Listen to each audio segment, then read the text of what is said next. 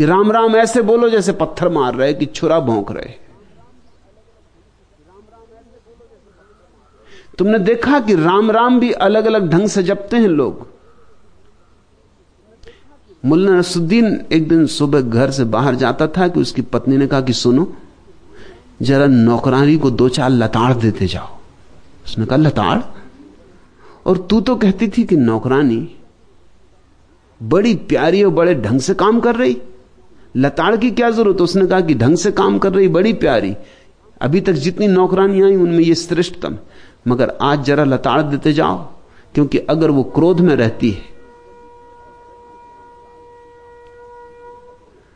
तो जिस दिन गलीचे और दरियाँ साफ़ करना होती, अगर वो थोड़े क्रोध में होती तो अच्छी पिटाई करती दरियों की, और सफ़ाई ठीक होती। जरा लताड़ देते जाओ। आज दरियाँ साफ़ करनी। अब आदमी क्रोध में हो और दरी साफ़ करने का मौका मिले तो तुम समझ सकते हो कि फिर छोड़ेगा नहीं। आदमी शांत हो और दरी साफ़ करे तो और बात होगी। तुम्हारे कृत्य में तुम्हारी भावदशा हो जाती समाविष्ट। जो आदमी क्रुद्ध है, वो राम राम भी क्रोध से जपेगा। तुम देख सकते हो, जो आदमी शांत है वो राम राम भी शांति से जपेगा। तो राम राम जपने से कुछ नहीं होता।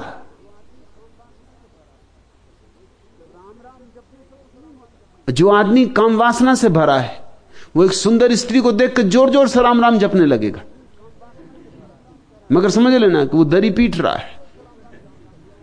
वो ज़ोर ज़ोर से राम राम कह रहा है, भीतर उफान आ रहा है। अब वो ज़ोर ज़ोर से राम राम कह रहा है, वो किस तरह अपने को समझा रहा है? वो राम राम कह के अपने काम को दबा रहा है। राम राम से कुछ हल नहीं होने वाला है। हाँ, ज़िंदगी में समस्याएँ हल हो जाएँ तो राम का आविर्भाव, अवतरण हो। ये तुम्हें उल्टी बात लगी क्योंकि तुमको यही कहा गया कि बस राम राम जप लो, सब ठीक हो जाएगा। मैं तुमसे कहता हूँ, अगर ऐसा होता तो ये देश कभी का ठीक हो गया होता। राम राम, यहाँ सारे लोग जप रहे हैं। इतना सस्ता कहीं है जीवन? इतना आसान कहीं है जीवन कि राम राम जप लो, सब ठीक हो जाएगा।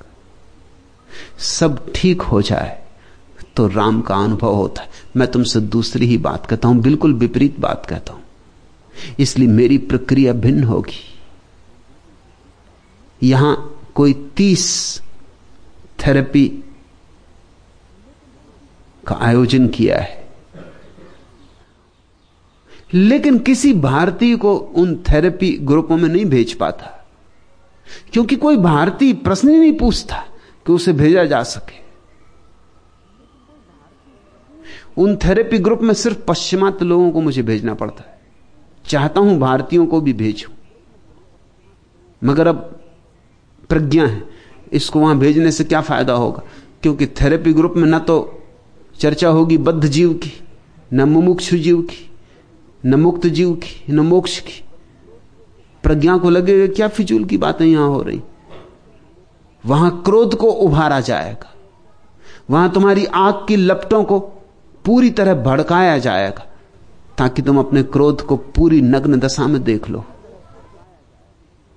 प्रज्ञा वहाँ गबड़ा जाएगी, वो कहेगी, ये क्या हो रहा है? ये तो अधर्म हो रहा। क्योंकि वहाँ क्रुद्ध हो जाते हैं लोग इतने तो थेरेपी के कमरों की दीवालों पर गद्दियाँ लगवानी पड़ी।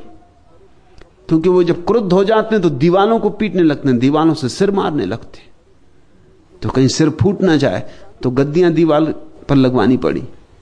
और कभी कभी क्रोध की ऐसी दशा हो जाती एक दूसरे से जूझ जाते।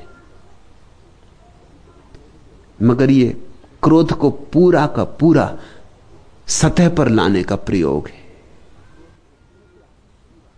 ये सतह पर क्रोध आ जाए, तुम इसे ठीक ठीक देख लो कि कितनी क्रोध की आग तुम में भरी पड़ी। उसी देखने में, उसी अनुभव में तुम्हारे भीतर एक क्रांति घट जाएगी, तुम साक्षी हो जाओगे। और साक्षी होने में रूपांतरण है।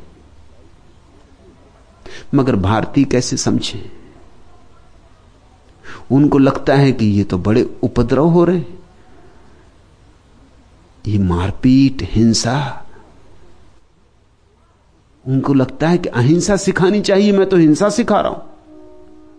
मैं हिंसा नहीं सिखा रहा हूँ, अहिंसा के आने का रास्ता बना रहा हूँ। लेकिन अहिंसा के आने का रास्ता बनता ही तब है, जब तुम्हारी हिंसा का धुआँ पूरा का पूरा निकल जाए। तंत्र के प्रयोग यहाँ चल रहे हैं।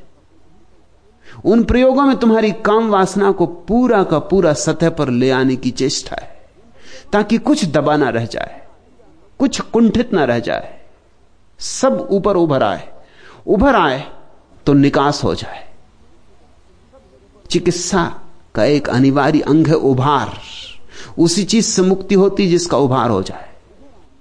जैसे कि तुम्हारे भीतर कोई बीमारी उबल रही और अगर तुम्हें वमन हो जाए तो तुम एकदम हल्के हो जाते क्यों हल्के हो जाते हो? वो जो कूड़ा करकट पेट में पड़ गया था, वो जो जहर पेट में पड़ गया था, तुम्हारे शरीर ने उसे बाहर फेंक दिया, निर्भर हो गया। ठीक वैसा ही वमन, काम वासना का भी होता है, क्रोध का भी होता है। लोभ का भी होता है।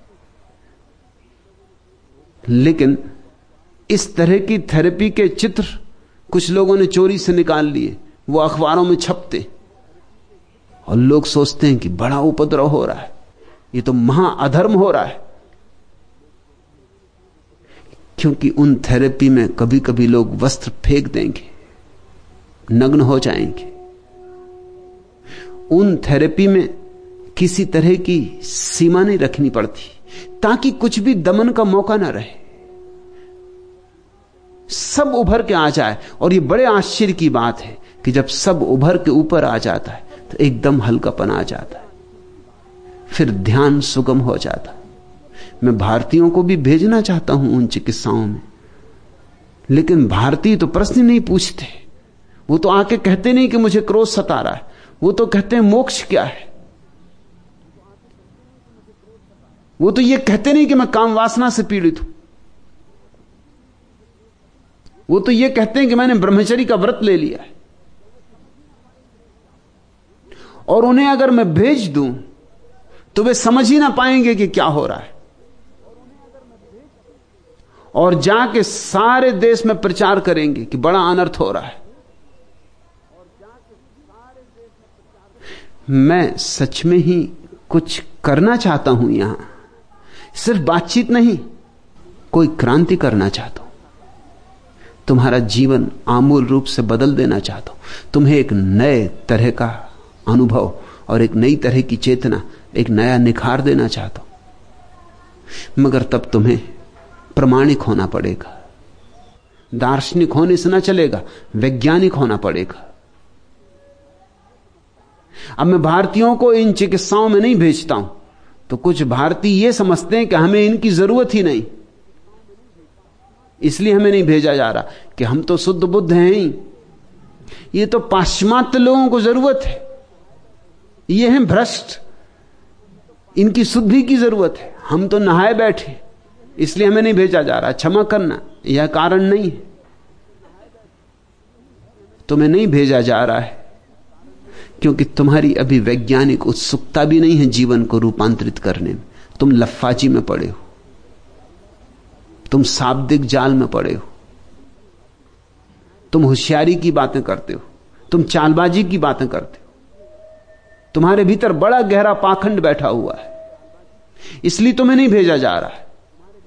जैसे ही तुम पाखंड छोड़ने लगोगे वैसे ही तुम्हें भी मैं भेजने लगूँगा। जैसे जैसे तुम्हारी क्षमता बढ़ेगी और तुम साहसी होोगे तुम्हें भी भेजने लगूँगा। तुम तो अभी बहुत डर जाओगे। अगर किसी को मैं भेज दूँ थेरेपी में, उसकी पत्नी आ जाएगी कि नहीं?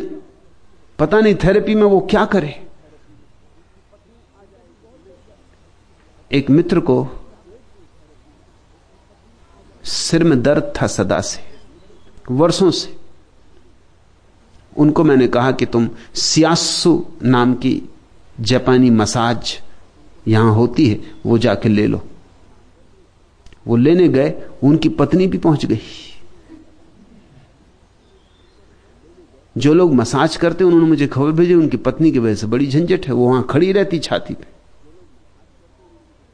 उसकी पत्नी से पूछवाया, पत्नी ने कहा कि मुझे डर है।